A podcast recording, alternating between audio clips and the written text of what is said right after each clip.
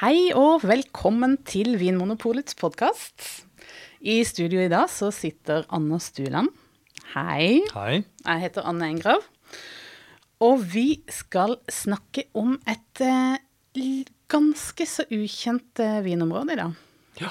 Og det er til og med fransk. Det er ikke så ofte det er både ukjent og fransk i vinsammenheng. Da kan jeg bruke den tullefranske stemmen min. Det, det lille området Savoie.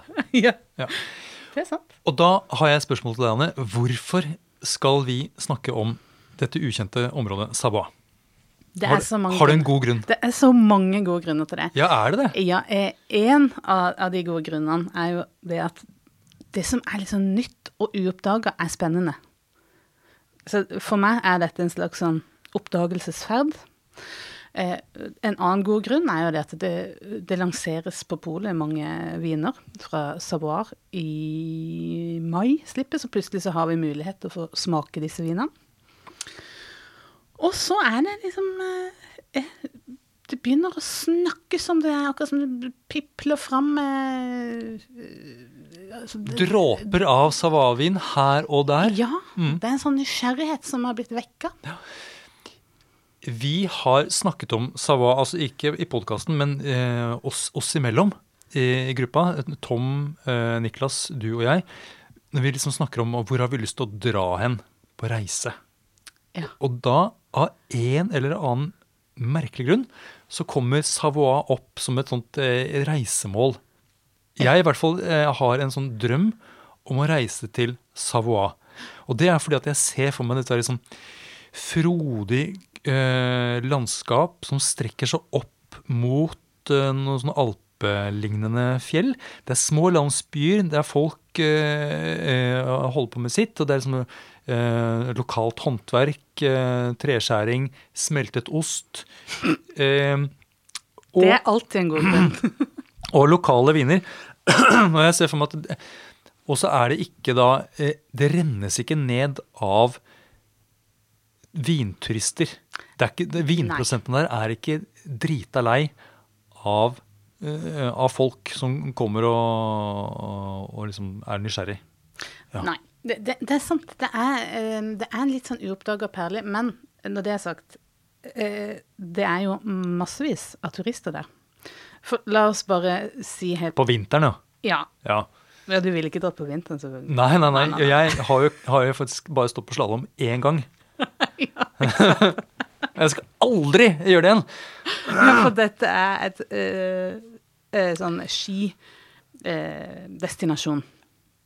Savoie, et lite, en region som ligger eh, på grensa opp mot Italia og Sveits, i, eh, egentlig i Alpene. Eh, et, et alpint en, en alpin vinregion.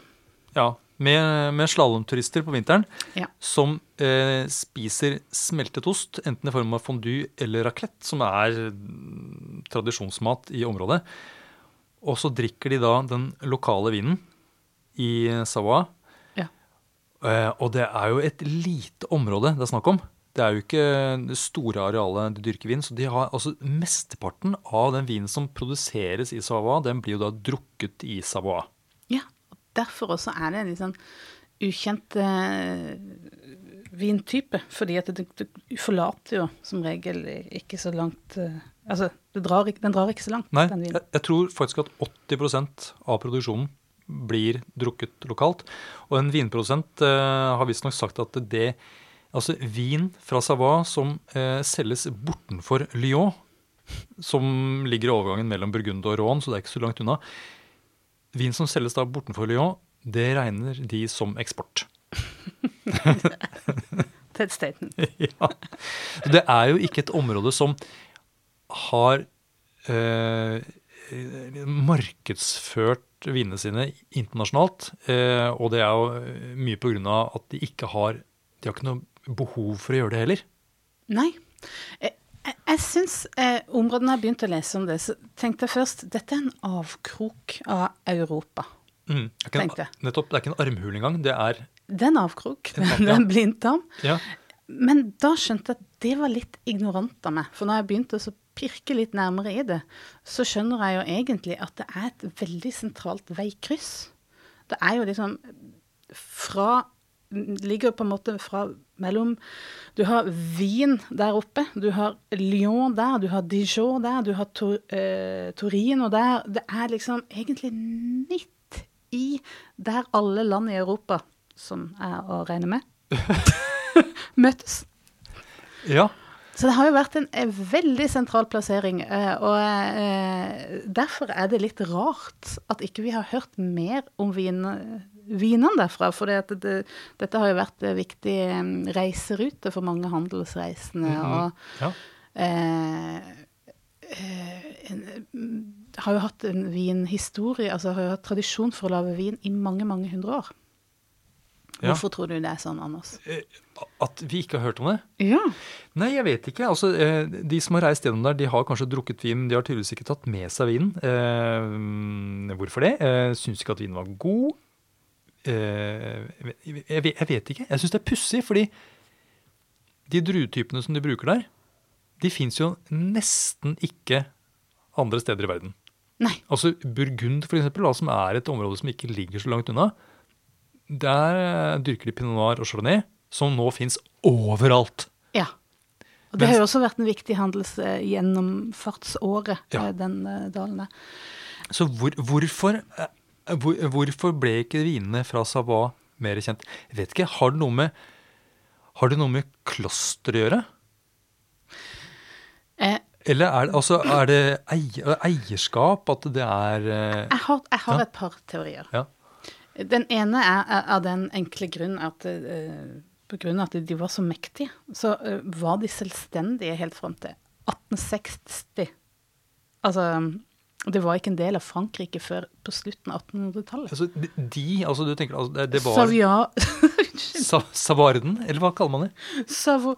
Savoyene? Savoyene? Jeg vet ikke. Det var et eget eh, hertugskap som ikke tilhørte noen eh, land før helt på slutten av 1800-tallet. Så et bitte, bitte, det var et lite land på en måte klemt uavhengig. mellom Frankrike og Sveits og Italia? Ja. Som, ja. Eh, og, og det tenker jeg det påvirker jo også hvordan du eh, Den nasjonale stoltheten. At de er mer savoyere, hvis det er det det heter, enn de er franskmenn, kanskje. Og dermed har de ikke på en måte blitt innlemma i denne franske vinkulturen, eller vinhistorien. Nei. Dette er en teori. De Jeg ble bare holdt litt utenfor. Ja, eller, eller ønska å være utenfor. De har ikke ønska å ta del av chardonnay, pinot noir eh, altså, Eller Råndalen, som kanskje ligger nærmere, da. De Mm. har ikke dyrka Syrah. De har hatt sine egne, helt lokale druer som de er stolte av. Ja. Som du også ser i, i liksom andre type matproduksjon, da. Oster og skinker og sånn, som er veldig sånn lokalt forankra. Ja. Er altså, ja. Så, eh, men nå er det da en del av Frankrike. Nå er det en del av Frankrike. Og der, eh, Vi snakker da om et, en, eh, et alpevinområde. Um, så det er, vi- det er fjell der. Med, det kan være snø på fjellene mens det eh, er vår i vinmarkene med, med, med blader på vinmarkene. Mhm. Disse kontrastene, det er jo litt fint. Jeg ser det for meg at det kan være litt sånn eh, Noe litt slående med det når man er der. Ja. Um, masse sånne små dalfører. Eh, Der det er, er familier som holder på. Eh, det, det høres kanskje litt feil ut, men som måte man har sine egne tradisjoner, sine egne meninger. Eh, um, Ja, mye sånn- dalfører. Ja, litt sånn også- sta og vrange. Yes. Um, Ja, for de der kontrastene altså Val d'Isère og Albertville, det er jo liksom kanskje sånn kjente byer, men det er jo ikke nødvendigvis der de lager vinen sin. Det er litt mer ned i disse dalførene, som Ja. du sier. ja. Ja, for det er ikke, det er ikke sånn det er ikke, Vi snakker da høydemeter sånn type 300-500 meter over havet, så vi er ikke sånn høyt, høyt oppe. Eh, og vinmarkene ligger da i eh, sånn sør-sørøst-vendt. Altså sånn at de får maksimalt med sol, og her er det på fristende å trekke liksom paralleller til slalåmlivet. Man sitter da i solveggen og, og koser seg. Og sånn er det med vinplantene også i eh, dette området. at Det er viktig at de får da eh, plassen i solveggen. Og det er disse, disse skråningene eh, med Enten rest, altså sånn eh, morenejord etter, etter, eh, etter isbreer, eller bare ras, fjellras, gamle fjellras. Ja. Ja.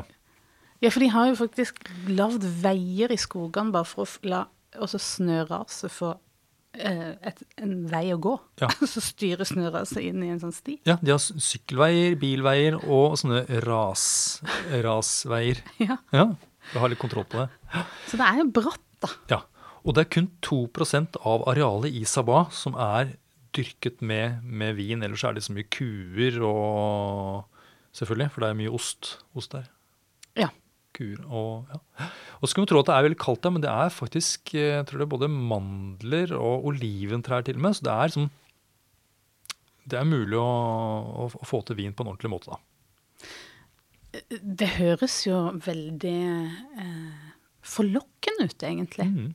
Det har Ja. eh, både Det er de der kontrastene som Ja. er litt, eh, litt flotte. Og så har det også da vært et område som har produsert mye mer vin før.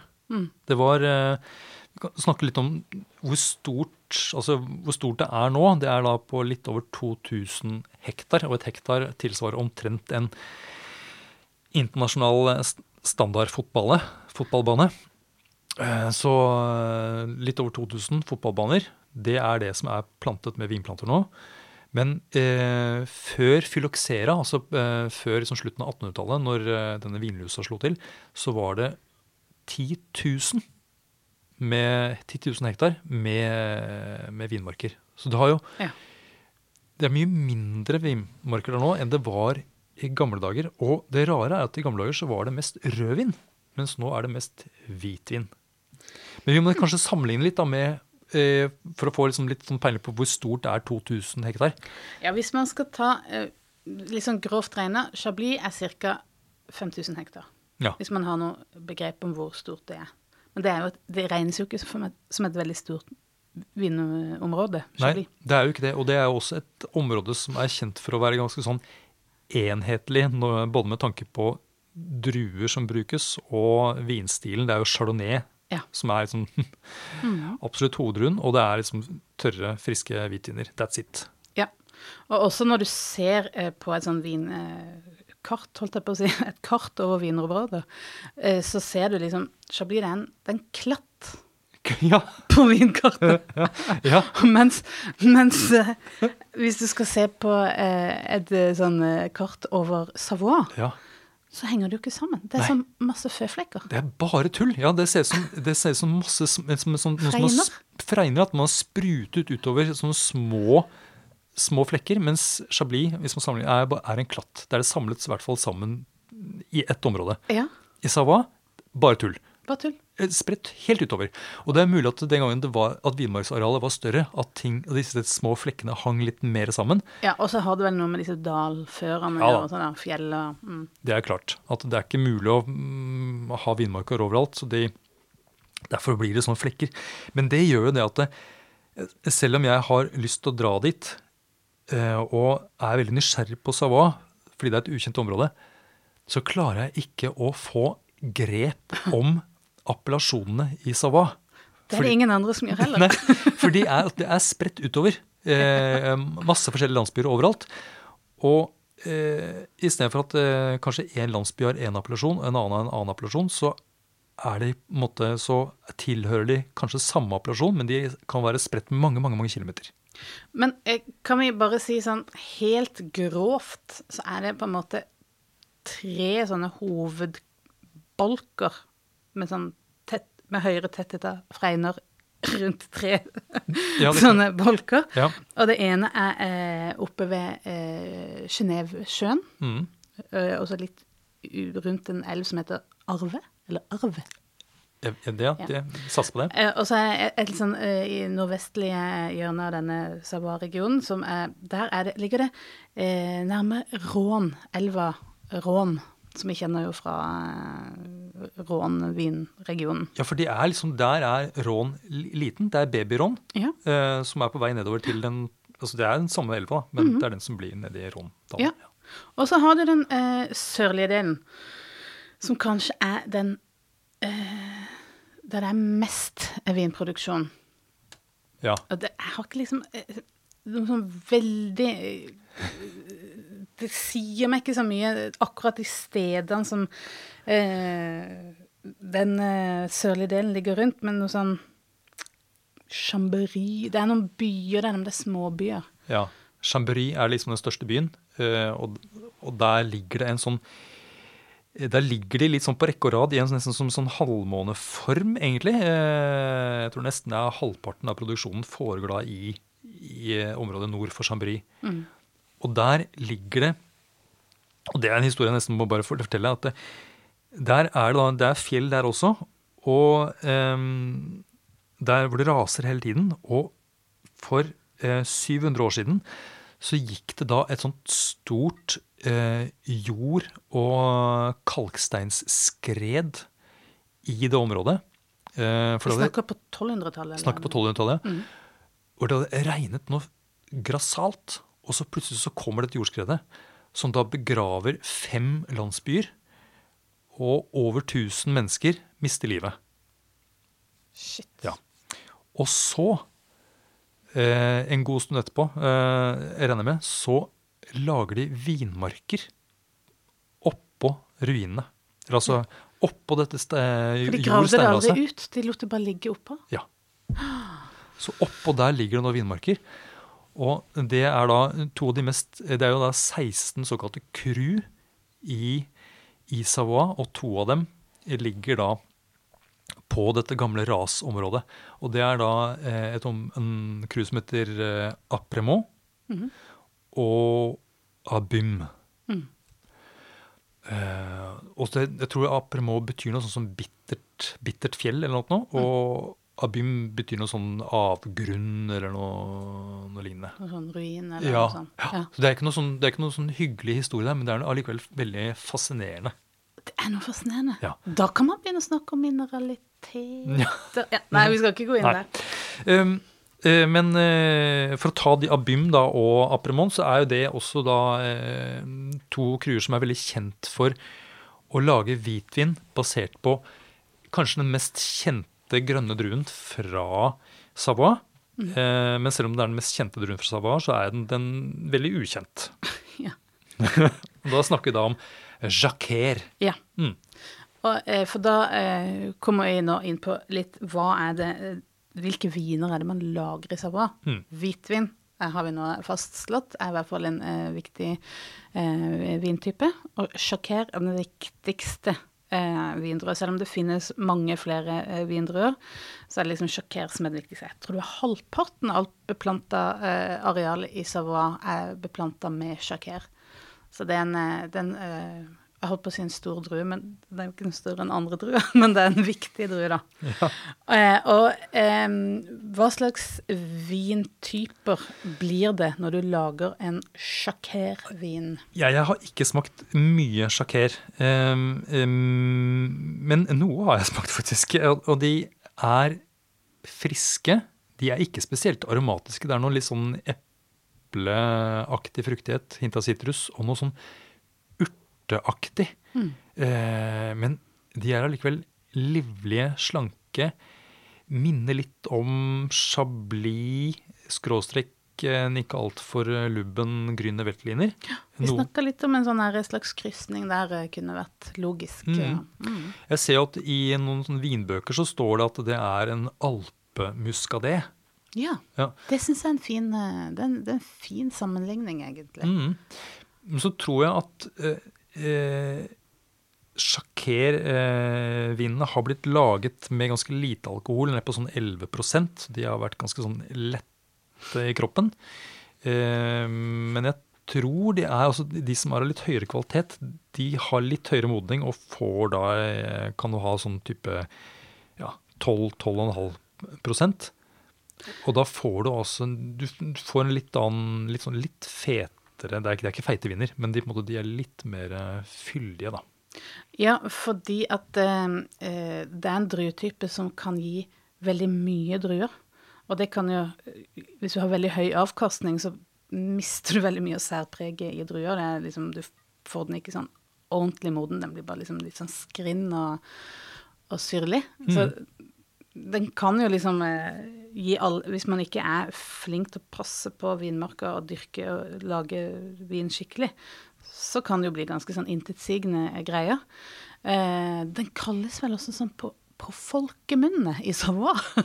Så kalles vel drua robinet, som betyr tappekran, liksom. Ja. Så du kan bare liksom skru på krana, og så tapper man seg. Og det er jo ikke liksom noe man forbinder med sånn høykvalitetsvin. Nei, det er ikke det. Og er det ikke Italia som har en drue som heter paga debit, som betyr betal regningen? Som jeg også må regne med er en drue som gir høy avkastning. Ja, nei, så det, det har vært litt sånn eh, det, er, ikke sånn udelt positivt, da, egentlig, det som eh, har vært skrevet eh, om, om Jacquer. Nei, Eh, men samtidig så er det jo allikevel sjakkerviner som får veldig mye god omtale nå, og som er, trekkes fram som er det Savoie har å, å heter det, bære til torgs. Ja, men det er jo, ja, og det er jo friske, litt sånn slanke hvitviner som er litt i tiden, kanskje. Eh, mange ønsker jo noe litt, sånn, eh, litt sånn lettere, mer elegante vinene. Som passer til sånn fisk og skalldyr og, og sånt noe. Eh, klart, eh, lokalt så blir det jo brukt til én smeltet ost. Men det er jo godt med noe som er friskt, da, til, eh, til sånne retter også. ja, det er jo det. Um, Ja, det blir litt sitronskvisen. ja. Det er jo ikke viner som ligger på fat, dette her. Og de går jo også sjelden gjennom den der malolaktiske gjæringen. Så det, de ønsker å beholde den der litt sånn syrlige, stramme stilen. Mm. Og eh, en annen ting, altså, bare for å nevne det også om Jacquer, at du nevnte da eh, Apremont og Abum. Abum? Ja, jeg tror det Sånn det uttales? Ja. eh, og- og det der, For å kunne sette det på etiketten, så må vinmarka være beplanta med minst 80% Jacquer. Ja. Så det er en eh, Ja. Da blir det ofte at det er 80% i vinen nå, visst. Det kan jo få bli det, ja. Ja. Mm. Nei, men det er jo Av og til så er appellasjonskravet at det skal være minimum så mye i vinen. og Andre ganger så kan kravet være minst så og så mye som er beplantet. Ja. Ja. De har jo andre eh, grønne druer også, eh, som ikke er så mye plantet, men som kanskje er vurdert faktisk et knepp høyere enn sjakker. Eh, skjønt, og det er da rosett, som også er en sånn lokal druetype, som også går under navnet Altesse. Mhm. Som, eh, og de kan, kan ligge litt på fat og ligge litt lenger på berme og, og, og sånt, og gå gjennom analaktisk gjæring. Og så har du rosann, som er den samme druen som også heter altså Rosanne i, eh, i Rån, da, spesielt nordrån. Nord-Rån. Mm. Så det er da en importert eh, drue. Og den viser også dette slektskapet kanskje mellom, mellom Rån og Savoie. Ja. Ja. De er jo naboer. Mm. Man skulle tro at det var enda nærmere slektskap, men det er det kanskje på en måte også. Ja. Slags fjellfetter. Ja, en litt sånn vrang eh, fjellfetter. som er litt eh, hakket hakke friske. Ja. Eh, Rør i kinna. mm, men ikke så lett å få tak i. Nei, Nei. Men han, han har ikke mobiltelefon. på fasttelefon. Ja. Men eh, eh, de lager mer enn hvitvin. Ja. De lager også rødvin. Ja, det, og det er kanskje det som jeg syns er mest spennende når jeg har smakt det. Ja, og det er jeg helt enig med deg, men jeg ser det at det, det skrives som at det er liksom hvitvin som er eh, vel verdt å, å smake, og at rødvin er liksom litt sånn så som så. Men jeg syns de rødvinene vi har smakt, har vært veldig spennende. Mm, enig. Og de er da laget på den druetypen som heter Mondøs, som også er da en lokal druetype. Og igjen ukjent sikkert for de fleste. Ja. Eh, og det er eh, også da en, en drue som kan gi eh, eller en druesort som kan gi høy avkastning, men eh, sånn at de har altså kunne være litt sånn, litt sånn skrinne eh, i stilen. Men de gode som vi har smakt, de har da en sånn, litt sånn dyp, mørk bærfrukt som minner om sånn skogsbær, krekling og, og, og sånt noe. I tillegg til noe litt sånn, pepper- og urteaktig som eh, får meg til å tenke på en sånn norrønsyra. Ja. Ja, vi har snakka der om eh, at det, kanskje kan være eh, Hvis man tenker seg en blanding av dolcetto og syra. At det er en sånn eh, logisk eh, kobling der. Ja, ja, hvordan logisk eh, kobling da?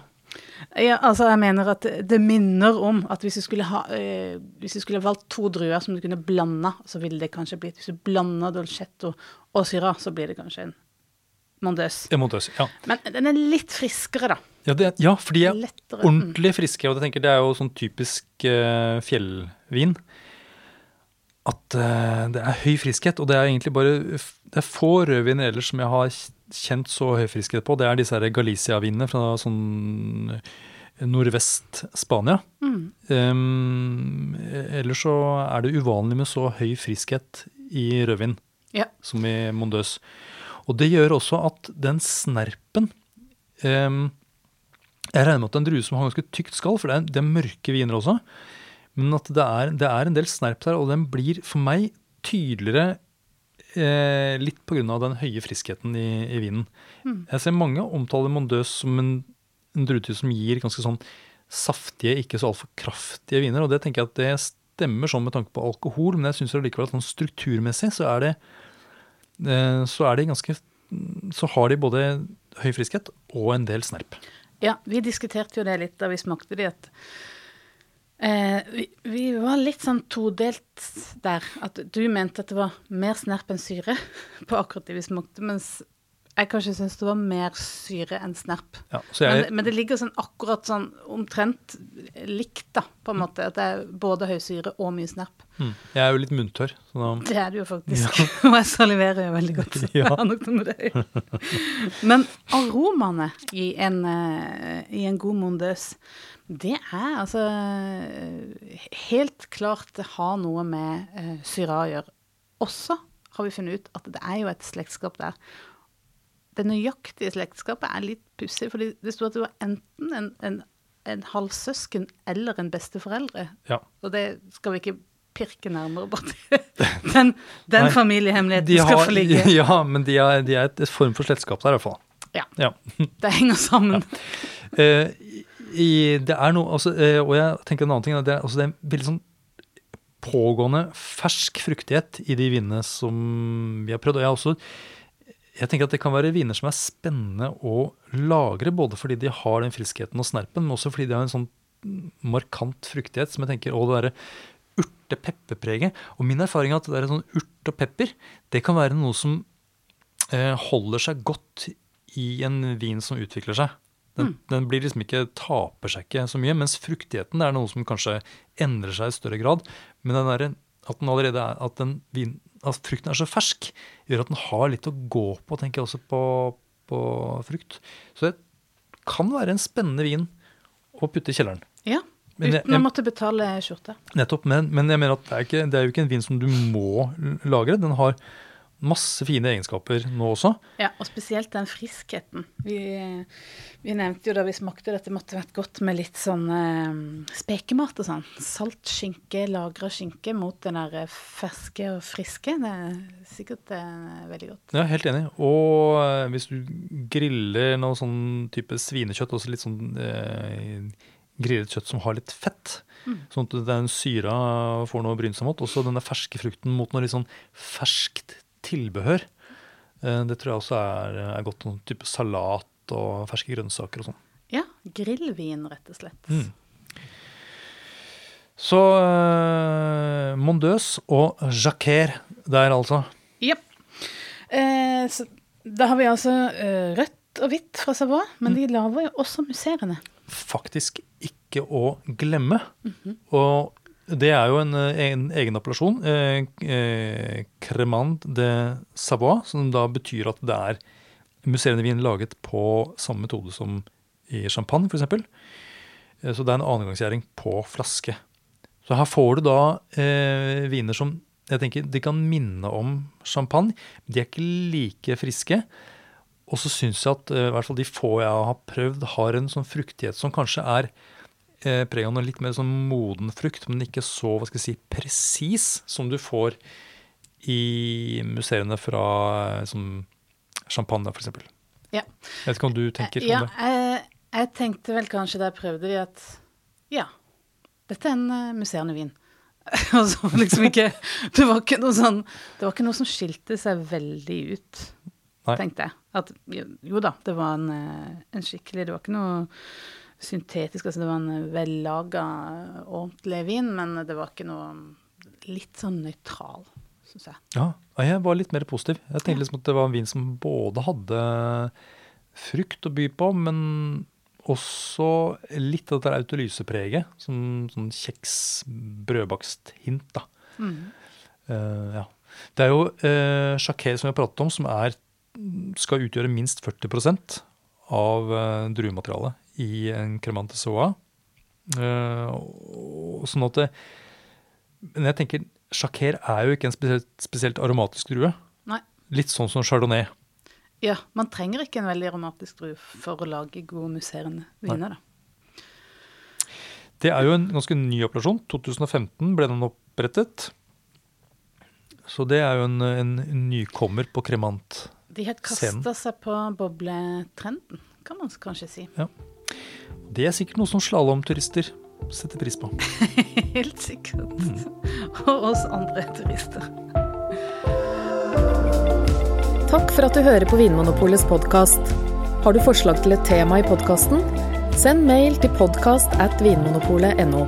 I tillegg svarer kundesenteret deg på e-post, chat og telefon.